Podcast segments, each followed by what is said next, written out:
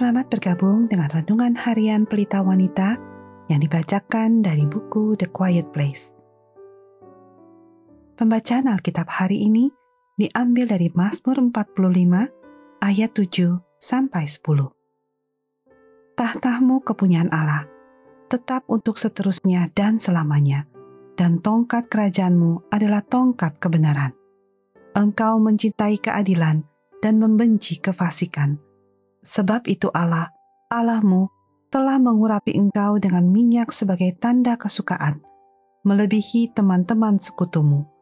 Segala pakaianmu berbaur mur, gaharu, dan cendana. Dari istana gading permainan kecapi menyukakan engkau. Di antara mereka yang disayangi, terdapat putri-putri raja.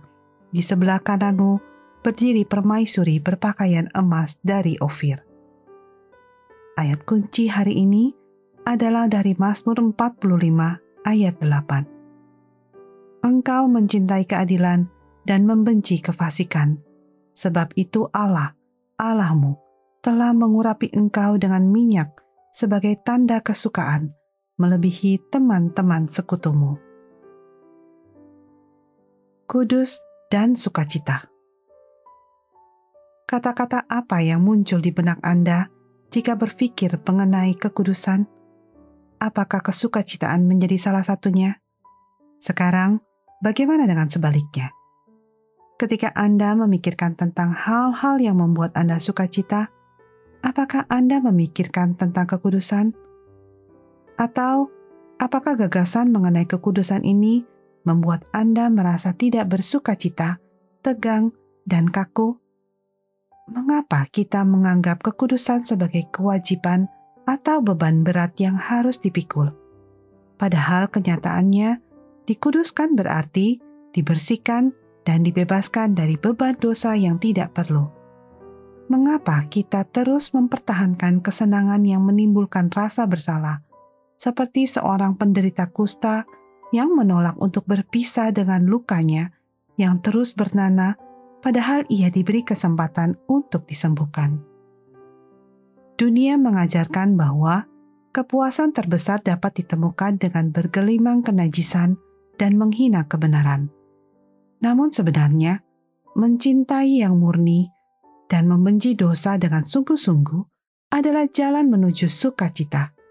Sukacita yang jauh lebih besar dari yang bisa ditawarkan oleh kesenangan duniawi mana pun Sebaliknya, menolak kekudusan atau tidak bersungguh-sungguh mengejar kekudusan justru mengorbankan sukacita sejati dan memuaskan diri kita dengan sesuatu yang jauh lebih rendah nilainya daripada kesukacitaan dalam Allah yang merupakan tujuan kita diciptakan.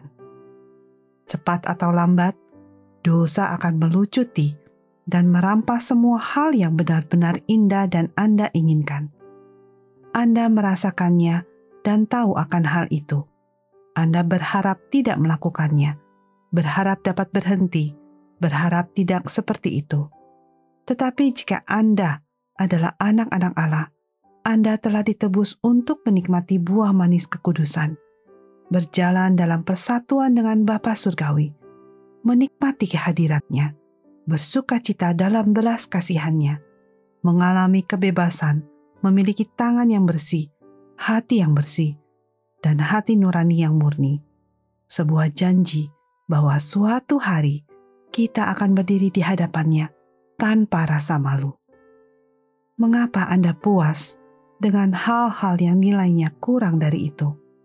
Mengapa Anda puas dengan kesukacitaan yang semu? Sebagai penutup, mari kita renungkan pertanyaan ini mengapa terkadang kita lebih memilih rasa bersalah daripada kesukacitaan sejati? Renungkanlah kesenangan dan sukacita yang dapat Anda temukan dalam mencintai apa yang Dia cintai dan membenci apa yang Dia benci.